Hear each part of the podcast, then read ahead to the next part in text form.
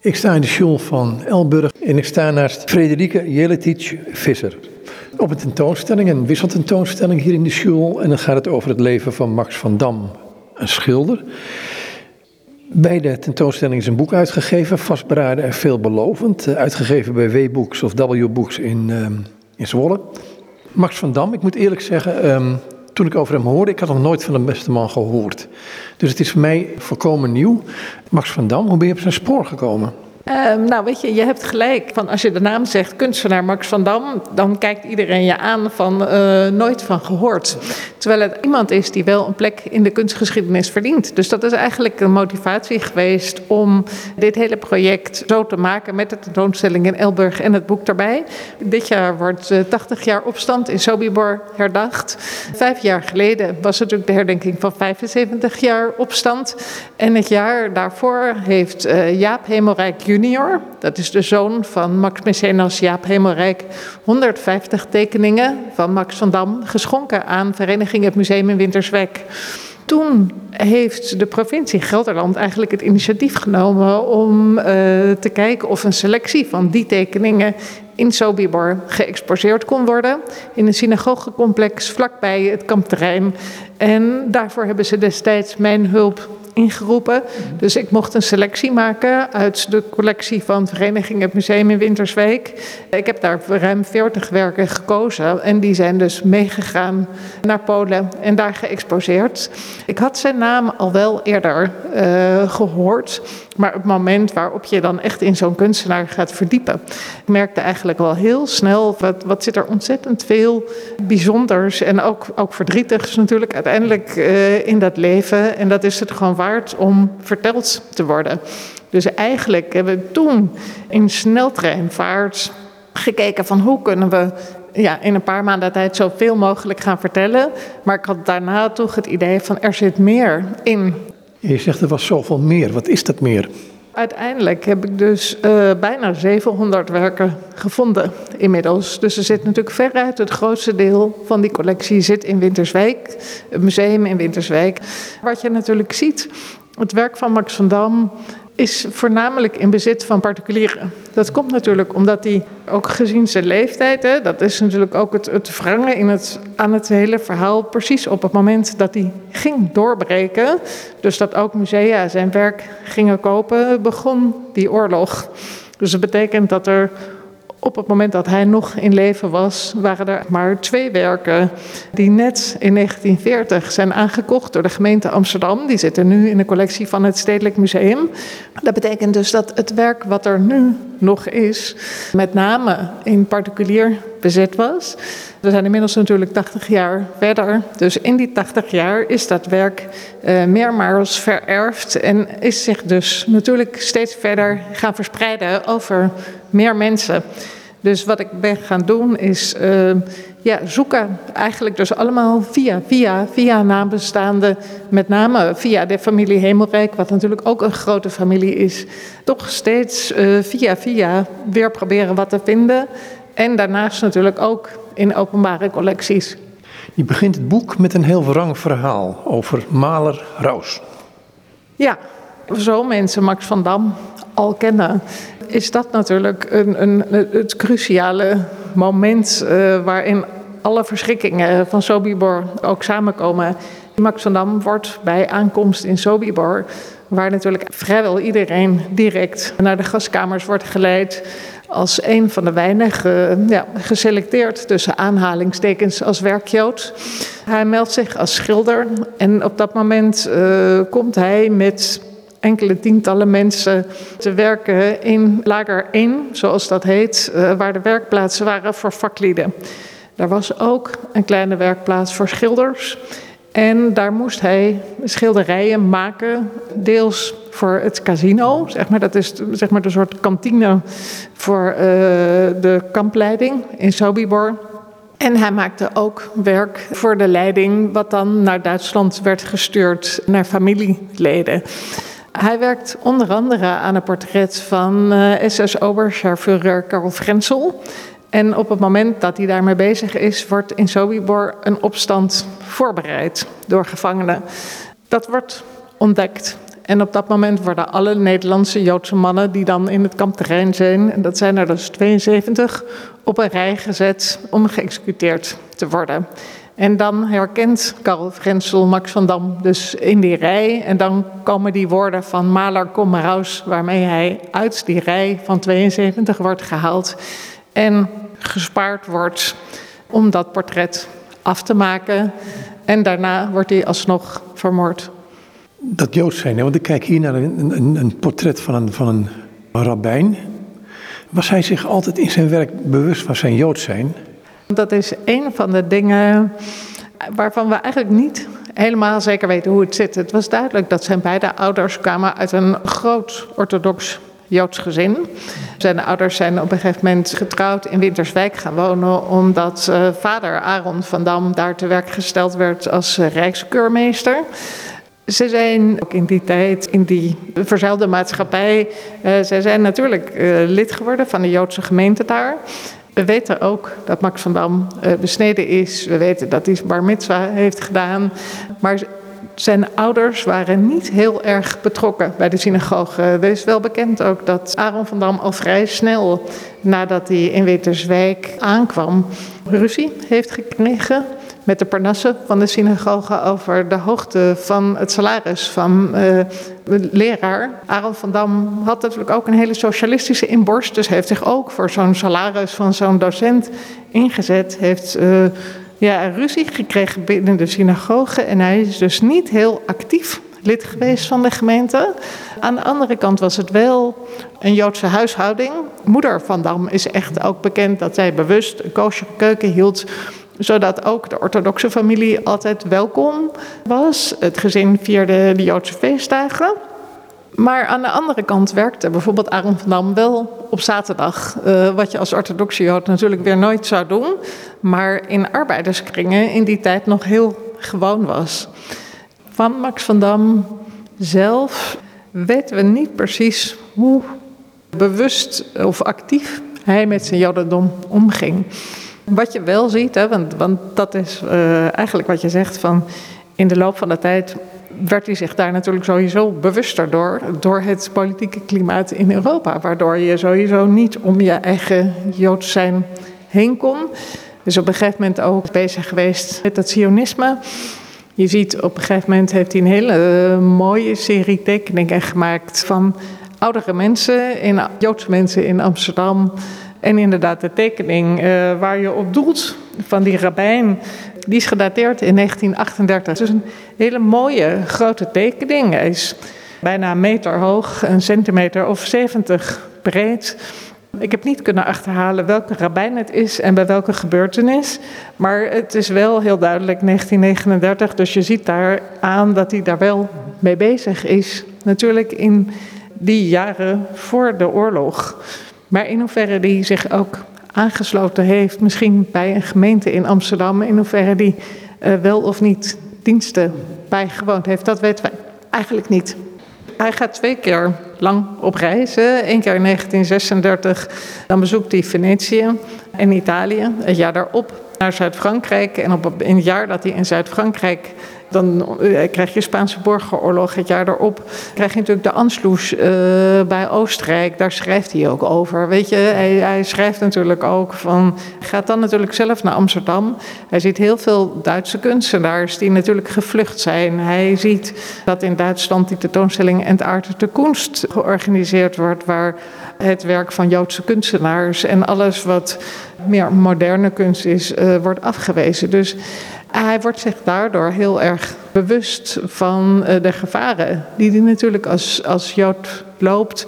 En ook van eigenlijk een, al voor de oorlog begint van een soort ja, net wat steeds nauwer gespannen wordt.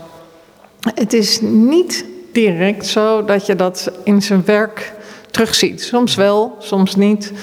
Hij is sowieso wel iemand die. Uh, nou, af en toe een beetje sombere buien kan hebben. Maar aan de andere kant maakt hij ook uh, gewoon nog hele mooie en open portretten. Dus ik, ik denk dat het ook een beetje natuurlijk in, in vlagen gaat.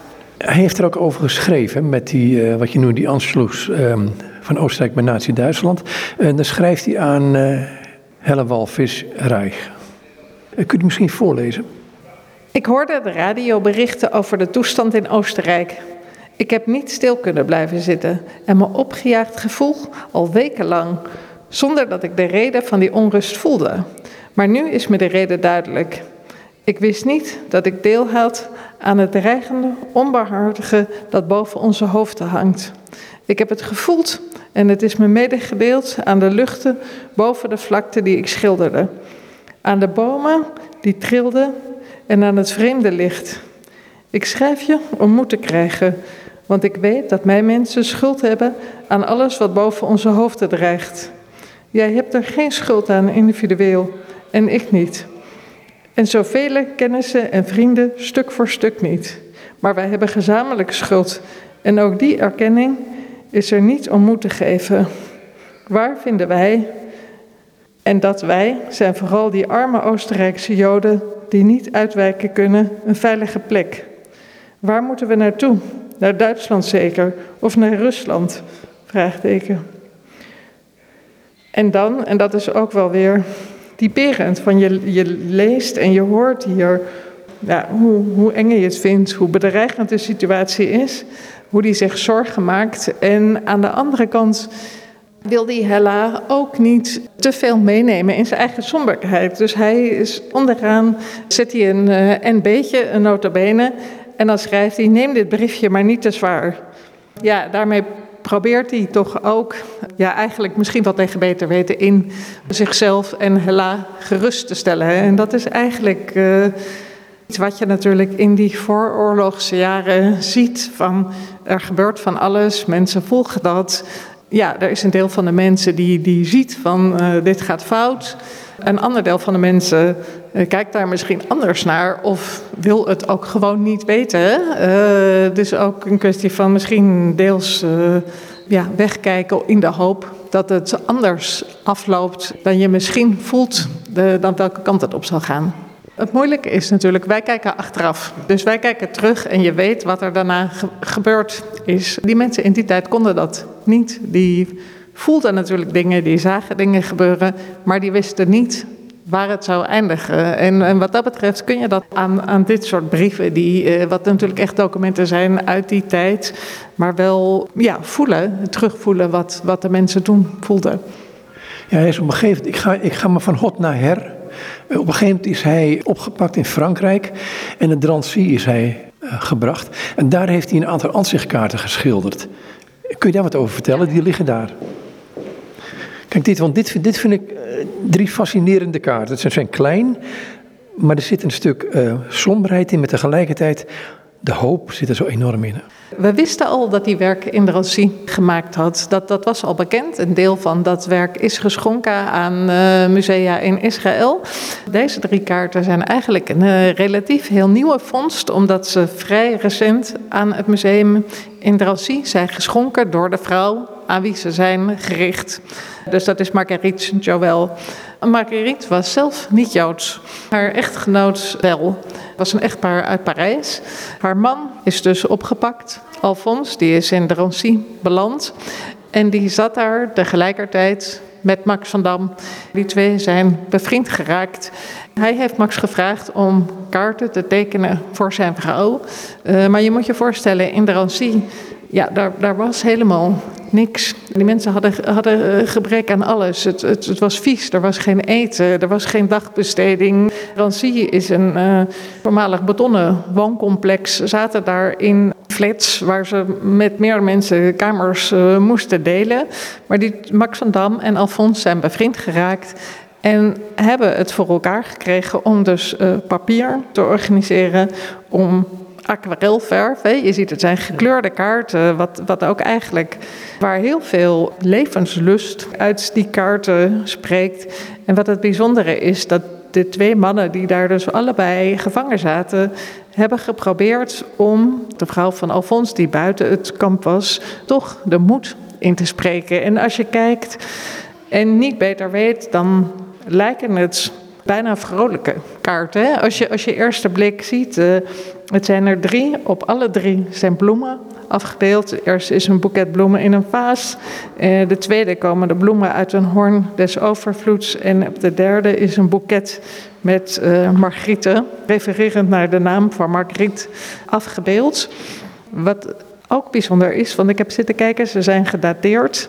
En dat ik denk dat um, ze alle drie tegelijk geschilderd zijn zodat Alfons min of meer een voorraadje heeft aan kunnen leggen om aan Margriet te sturen. De eerste met het boeket bloemen, daarin schrijft hij haar dat hij uitkijkt naar een tijd na de oorlog. Het is een boeket bloemen op een balkonnetje. Het lijkt bijna een Zuid-Frans terras. En dat hij schrijft dat hij hoopt dat zij na de oorlog samen aan dat tafeltje met dat boeket zullen zitten. De tweede kaart die is gedateerd op 9 maart 43. En daarin krijg je eigenlijk al iets van: hé, hey, hier klopt iets niet. Want Alfons is een paar dagen voor die datum overgebracht naar een ander kamp. Dus waarschijnlijk is die kaart ook voor een speciale gelegenheid geschilderd. En dat geldt met name ook voor de derde. Want daarop zie je de datum staan van 31 maart 1943. En een week daarvoor is Max van Dam zelf al gedeporteerd naar Sobibor. Dus vandaar het, het vermoeden. Je ziet ook eigenlijk als je naar de kaarten kijkt. Het, het formaat van de kaarten is hetzelfde. Het materiaal en de, en de kleuren van de aquarelverf die hij gebruikt heeft zijn heel erg hetzelfde. Dus ik vermoed dat hij de drie kaarten in één keer geschilderd heeft en Alphonse bewaard heeft. En je moet je ook voorstellen, zowel voor Max van Dam is het schilderen daarvan levensgevaarlijk geweest. Maar ook voor Alfons die die kaarten had en die die kaarten het kamp uit moest zien te smokkelen richting zijn vrouw. En ze hebben dus alle drie ook die vrouw bereikt. Maar ook dat was natuurlijk levensgevaarlijk. Nou staat er op die muur daar staat een tekst van hem. Ik ben gelukkig dat ik een schilder ben. Dat was zijn passie in wezen. Hij is dus van meet af aan heeft hij schilder willen worden. Ja, ik heb daar op de wand dat citaat van ik ben gelukkig dat ik schilder ben geplaatst. Het is eigenlijk de wand waar mensen de tentoonstelling binnenkomen en ook waar ze de tentoonstelling weer verlaten. En ik heb op die wand hebben we geprobeerd om een uh, selectie te maken van alle soorten technieken. Dus je ziet uh, een tekening in potlood, je ziet olieverf, schilderij, een aquarel. Zijn schilderspalet, wat na de oorlog nog uit zijn atelier gered is. Dat, dat is het authentieke palet? Dat is het palet van Max van Dam. Ja, dat is uit zijn atelier uit de Zomerdijkstraat. Dus de laatste werkplaats waar hij uh, gewerkt heeft voor die onderdook bewaard gebleven. Nou ja, hier, hier zie je eigenlijk dat hij gewoon van, van kinds af aan op allerlei manieren zich creatief heeft willen uiten. En het staat in schil contrast met uh, de getuigenis waar het boek ook mee begint de getuigenis van Kurt Thomas uit Sobibor, waarin Kurt Thomas omschrijft dat hij nog een gesprek had van, met Max van Dam op het kampterrein. En waarin Max, we, hebben er eerder over dit interview ook over gesproken, dat portret van Karel Frenzel. Waarin Max en Kurt Thomas, die dus allebei gevangenen waren in kamp 1, elkaar spreken. En dat Max Kurt Thomas vertelt dat hij dat karakter van Frenzel uit wil drukken in dat portret. Kort, die eindigt die getuigenis met de woorden van he was unhappy. Dus hij was niet gelukkig.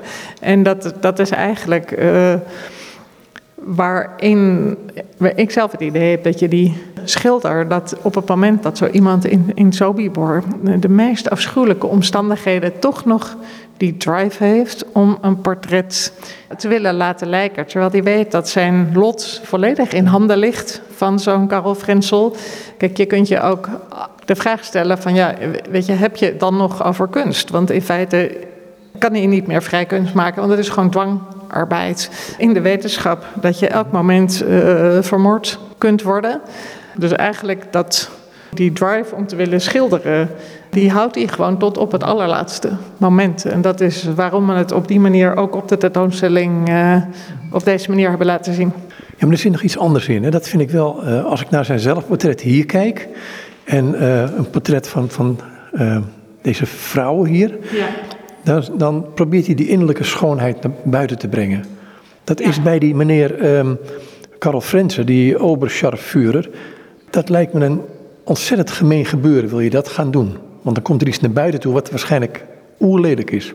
Als je, als je naar zijn werk kijkt, is duidelijk dat hij niet uitontwikkeld was. Hè? Hij, hij, was natuurlijk ook gewoon nog hartstikke jong. Je kunt zeggen van op het moment dat die oorlog uitbreekt, is hij 30. Maar ook de vijf jaar daarvoor eh, in dat hele voortraject en zijn ontwikkeling natuurlijk bepaald door de tijd waarin hij leeft. Je ziet dus duidelijk dat hij nog in ontwikkeling is, maar je ziet eigenlijk in alle portretten die hij gemaakt heeft, dat hij wel heel erg probeert de ziel van iemand weer te geven. En dat is ondanks dat de stijl vaak heel verschillend is, wel iets waarin je hem herkent en ook die, nou, die interesse die hij in mensen heeft en de wil om iemand weer te geven, zodat je zijn karakter kunt zien, eh, dat komt heel duidelijk terug. Dat schilderij van um, Karl Frenzel, dat bestaat niet meer, hè? Of bestaat dat nog, moet ik eigenlijk vragen? Dat weten we niet. Kijk, Karl Frenzel zelf, eh, die is natuurlijk meermaals verhoord ook. Hè. Die heeft altijd gezegd van nou, dat portret is helemaal nooit gemaakt. Dus die ontkent gewoon het hele ontstaan van dat portret. Die zegt van ik heb hem alleen maar opdracht gegeven om landschappen te schilderen voor in die kantine. Op een gegeven moment bekent hij wel dat hij er daar ook één van thuis heeft gehad na de oorlog. Maar hij zegt van het eerste proces tegen hem was in 1962. Hij zegt ik heb toen aan mijn familie gevraagd om dat te laten vernietigen. Ook eigenlijk natuurlijk als zodat er geen bewijs van zou zijn. Dus dat is er in ieder geval niet. Ja, of dat portret ergens misschien nog is, je weet het niet. Een aantal jaar geleden is natuurlijk dat Nieman-album zeg maar boven water gekomen. Terwijl er nooit foto's van Sobibor waren. En toen uiteindelijk bij een kleinzoon van de kampcommandant, toen zijn opa overleed, toch een fotoboek tevoorschijn is gekomen. Waardoor we nu relatief veel foto's van het kampterrein hebben en weten hoe het eruit heeft gezien. Zoiets zou met zo'n portret uiteindelijk ook nog kunnen gebeuren. En naarmate de de tijd verstrijkt en er misschien voor nabestaanden minder gêne is om daarmee naar buiten te treden, zou het kunnen. Maar ja, de tijd zal het leren in dit geval. Zijn hele aanloop tot het kunstenaarschap is, is een, een met heel veel vallen en opstaan geweest. Hè. Er, hangt hier een, of er staat hier een tekst op de muur. Het is zoals Van Gogh het heeft uitgedrukt. 99 keer zal ik vallen, maar de 100ste keer sta ik op. En het is een periode in Antwerpen. En eh, ik zag graag willen vragen of je een stuk uit het boek kunt lezen. Uh, wat hij geschreven heeft in een soort, soort gesprek wat hij had met Opzomer. Die eigenlijk ja, toch niet zijn werk nog helemaal op waarde kan schatten. Nou, bij opzomer is het uh, een beetje dubbel. Aanvankelijk gaat hij naar Amsterdam, hè. dan doet hij de opleiding voor tekenleraar. Hij haalt uh, de akte lager onderwijs naar aanleiding van wat zijn vader het liefste wil. Want hij wil natuurlijk dat hij een vak leert waarmee hij uh, ook geld kan verdienen. Hij gaat dan verder met de akte voor middelbaar onderwijs. En daar zie je eigenlijk al van. Hij wil dat natuurlijk eigenlijk gewoon niet. Hij wil gewoon kunstenaar worden. Hij wil naar de Rijksacademie. Hij doet toelatingsexamen uh, en dat mislukt. En dat is eigenlijk natuurlijk een grote klap voor hem. En dan gaat hij met roltekeningen onder zijn arm gaat hij naar Antwerpen, de academie. Hij komt in gesprek met Opzomer en die ziet het wel zitten met Max. Dus hij begint daar aan zijn opleiding, kan het aanvankelijk ook goed met Opzomer vinden. Maar ze zijn beide ook wel eigenwijs in uh, wat je ziet. Max die gaat in 1936, als hij twee jaar uh, academie erop heeft zitten, stapt hij op de fiets. Gaat uh, naar Venetië, omdat hij ook gewoon de wereld natuurlijk wil zien. Hij wil andere kunstenaars zien. Hij wil kunst, grote meesters uit het verleden zien. Dat doet hij dus. En daar raakt hij enorm door geïnspireerd. Maar op het moment dat hij dan terugkomt. Wordt hij natuurlijk ook eigenwijzer. En dan wil hij richting die eigen stijl. En die eigen stijl die wijkt eigenlijk af van het traditionele van opzomer. En dan zie je dus eigenlijk tussen leerling en docent de eerste conflicten ontstaan. Max die gewoon uh, zijn eigen weg wil gaan. En Opzomer die zijn leerlingen eigenlijk het liefst in, in zijn eigen gereel opleidt. Uiteindelijk uh, escaleert dat conflict op het moment dat aan het einde van elk studiejaar wordt er grote tentoonstelling gehouden van alle leerlingen. En Max is eigenlijk zelf dan heel tevreden over het werk wat hij gemaakt heeft. En dat komt uiteindelijk heel erg uh, een beetje achteraf hangen. Max die, ja, die heeft daar natuurlijk moeite mee, maar die houdt zich nog een beetje in. Maar een van de mensen die die tentoonstelling bezoekt, is een wethouder van Antwerpen of een schepen van Antwerpen. Dus een vriend ook van Wieboud. En die vraagt Max op een gegeven moment expliciet af naar wat hij ervan vindt. In bijzijn van Opzomer. En dan komt bij Max eigenlijk alle frustratie eh, naar boven. En dan zegt hij heel eerlijk uh, wat hij ervan vindt. En dat valt niet in goede aarde bij Opzomer. Uh, dus dat is eigenlijk dan ook het einde van de goede relatie uh, tussen een leraar en leerling. En dat komt ook niet meer goed. Er staat hier een stuk in het boek, misschien kun je het lezen, dit. Um, waar, waar een soort verslag van is, van hoe hij met Opzomer, hoe die discussie ging. Een van die discussies. Dit citaat dat begint op het moment dat de schepen van Antwerpen Max dus vraagt in het bijzijn van Opzomer wat hij van de tentoonstelling vindt. En dan zegt Max, toen liet Opzomer me komen en ik kwam. En Opzomer die vraagt aan Max, wat denkt u van de tentoonstelling? Ik hoorde, u was niet tevreden over de plaats. Ik antwoordde dat ik nooit daarover mijn ontevredenheid had uitgesproken. Ik ben niet ontevreden, ik onderwerp me aan de plaats die me wordt toegedacht. En dan vraagt Opzomer, maar wat vindt u van de tentoonstelling? Wat wilt u dat ik eeuwig niet zeggende diplomatieke krassen uit? Of moet ik open en ronduit mijn mening zeggen? En dan antwoordt de Opzomer ronduit. En Max zegt, was u al eens in een lompenpakhuis? En de Opzomer kijkt hem uh, vragend aan. En dan zegt Max, in een lompenpakhuis staan een aantal tonnetjes op een rij... en met een virtuoos gebaar zoekt de knecht ervoor de vodden uit... Katoen bij katoen, linnen bij linnen, zijde bij zijde. En twijfelt hij tussen wol en katoen. Het wordt doormidden gescheurd en hij luistert naar het geluid van het scheuren. Dat geeft hem zekerheid. En daarna worden de lompen vastgestampt, deksel erop, etiket, klaar om omgewerkt te worden in een papierfabriek. Ze waren als per kind, bijna niks. En door omgesmolten te worden konden ze iets zijn. Maar er zijn ook vodden die op de mesthoop komen en nergens verdienen. Een stukje zijde van de blouse van barones X, naast een stukje van de blauw-wit geblokte werkschurt van de vrouw die de gemakken van het instituut heeft gekuist. Met dezelfde virtuositeit als ook de man uit het lompenpakhuis is ook de tentoonstelling van het instituut samengesteld. Ik wijs u op de schilderijen die op de mesthoop terecht zijn gekomen. Zij die oren hebben om te horen en organen bezitten die het opnemen kunnen, zij zouden moeten kunnen verstaan, zoiets als Job moet bedoeld hebben in het Oude Testament. De Heer heeft gegeven, de Heer heeft genomen. Geloofd en geprezen zij de naam des Heren. Tableau, hij begreep het maar half. Woorden, zei Opzomer. Dit is overgeleverd in brieven. Ja, dit uh, staat letterlijk. Hij heeft ook de discussie, hè, zoals hij ook in het boek staat, met uh, nou ja, steeds het ootje van opzomer. Hij heeft gewoon de hele discussie letterlijk uh, geschreven aan Jaap Hemelrijk, zijn mecenas. Op een gegeven moment is hij ook in Collioure geweest. Dat is een dorpje waar vrij veel kunstenaars neerstreken en mooie dingen van vandaan gekomen zijn. Um, wat heeft hij daar gedaan? Nou, hij heeft daar echt als een waanzinnige getekend. Mhm. Je zegt zelf al van het is een plaats die uh, bij kunstenaars heel geliefd was. Het ligt een beetje, uh, ja, precies op de grens hè, in, in het bochtje tussen Frankrijk en Spanje in, aan de voet van de Pyreneeën. Hij wordt, net zoals al die andere schilders die er komen, enorm getroffen door het licht. Wat in Couliure van een bepaalde helderheid is, in Couliure ook het eenvoudige bestaan van die vissers, die, uh, het nette boeten, wat Max ook heel veel heeft vastgelegd. Je ziet op de tentoonstelling uh, nou ja, ook een aantal schetsen. En daarin zie je eigenlijk ook wel gewoon de haast waarmee uh, dingen getekend zijn. Er liggen ook briefjes op de tentoonstelling waarin die hemelrijk schrijft. Ook in die brieven heeft hij weer schetsjes gemaakt. Maar je ziet dat hij zo geniet en, en zoveel tegelijk wil, uh, dat het dus allemaal heel snel moet. En hij heeft het idee van, ik uh, leg het nu vast en dan ga ik het op een later moment een keer uitwerken. Hij heeft op dat moment ook weinig geld voor materiaal. En je moet je ook voorstellen, hij is daar met een fiets. Hè?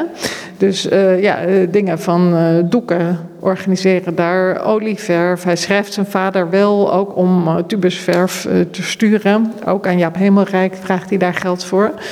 Maar werk maken daar ook op olieverf is natuurlijk ook moeilijk. Want dat, ja, dat moet, hij is met die fiets, dus dat moet je dan terugsturen per post. Ook dat kost weer geld. Dus vooral dat hij met name ook studies op papier maakt die je gewoon op kan rollen en uh, makkelijker naar Nederland kunt versturen. Op een gegeven moment vanwege de mobilisatie komt hij terug in Nederland in 1939. Hoe gaat het verder in die tijd? Want um, de oorlog breekt uit en er worden maatregelen tegen de Joden genomen. Op het moment dat de oorlog uitbreekt, wordt het natuurlijk voor de Joodse kunstenaars al heel snel uh, moeilijk om hun vak te blijven uitoefenen. Het is sowieso natuurlijk, het is oorlog. Vanaf juni 1940 dan beginnen die anti-Joodse maatregelen waarbij de bewegingsvrijheid van de Joden steeds verder uh, wordt ingeperkt. Vrij werken is dan sowieso uh, niet meer mogelijk voor kunstenaars. Maar je ziet wel dat ze zo goed en zo kwaad als het gaat, dat natuurlijk wel blijven doen. In het geval van Max heeft hij ook uh, een aantal Joodse opdrachtgevers. Waarbij uh, Hans en Alice de Jong uh, wel natuurlijk de belangrijkste zijn.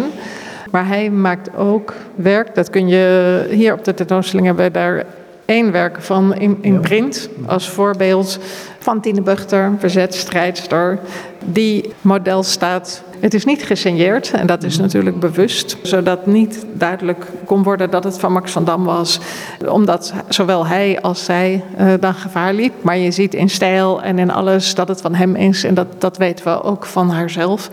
Ze heeft eh, vaker model gestaan voor kunstenaars, kon dat werk vaak ook niet houden. Ze heeft het uh, ook regelmatig geruild voor eten of voor voedselbonnen of uh, dat soort dingen. Maar dit portret is altijd uh, in de familie gebleven. Er hangt één studie van um, Agar en Ismaël. Er moet een schilderij van zijn, hè? Ja, er moet een schilderij van zijn. Het origineel uh, was heel groot, was 1,80 meter hoog, ruim een meter breed. Maar waar het is, weten we niet. En het gekke is wel, ik heb twee mensen gesproken die mij verteld hebben dat het in de jaren 60 nog in het Stedelijk Museum geëxposeerd is. Maar goed, daar is het niet meer. Tenminste, voor zover bekend. Ik heb daar natuurlijk navraag naar gedaan, daar is ook naar gezocht. Daar is het niet. Maar de grote vraag is van ja, waar is het dan wel. Het moet een enorm uh, doek zijn. Uh, maar het kan natuurlijk zijn dat het uit de lijst is gehaald en is opgerold. Het kan zijn dat het doek nog ergens is. Hij heeft natuurlijk maanden de tijd gehad om uh, te oefenen. Dus we hebben heel veel tekeningen, heel veel studies, ook in verschillende materialen. Dus aquarellen, potloodtekeningen. En je ziet hier op de tentoonstelling hebben we een uh, gouache in kleur waarvan gezegd is, wordt dat het de studie is die het meest zou lijken op het uiteindelijke schilderij. Uh, maar of dat zo is, weet ik dus ook niet. maar goed, we hebben er hier een paar. En in het boek staan er ook. Op een gegeven moment um, wordt de grond te heet onder zijn voeten en besluit hij te vluchten. Daar heb je een heel verslag van opgenomen in het boek uh, van een zeker Alice.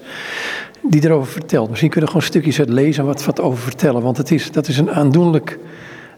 Het is een verhaal waar ik denk van ja, het, het kan hier om de hoek gebeuren. Weet je, als je dat vluchtverhaal leest, dan uh, valt natuurlijk op. Kijk, dat dat vluchten, om dat te gaan doen, is natuurlijk, uh, daar is enorm veel moed voor nodig. Weet je, er was veel moed voor nodig, er was veel geld voor nodig. Het is iets wat je doet als je echt niet anders kan. In het boek heb ik het verslag opgenomen, deels ook in citaatvorm, omdat Alice de Jong wel. Uh, het vluchtverhaal later heeft opgeschreven zoals het is en uh, zoals zij het zich herinnert. En daarin zie je ook, nou ja, lees je terug van, van de hele praktische dingen waar mensen tijdens zo'n vlucht tegenaan lopen, maar ook de angst dat je je afhankelijkheid van mensen die jou steeds een stapje verder uh, moeten helpen op je vlucht. Dat is natuurlijk vaak ook een, schakel van mensen die steeds een stukje van de vlucht moeten begeleiden, uh, maar waar vaak veel geld voor nodig is. Geld wat op een gegeven moment uh, de verkeerde handen verdwijnt, waardoor mensen halverwege niet verder kunnen. Dat, dat overkomt Uh, Max en Alice ook. Dat ze betalen in feite een groot bedrag voor de hele reis, zeg maar, of de hele vlucht van Den Haag uh, naar Zwitserland.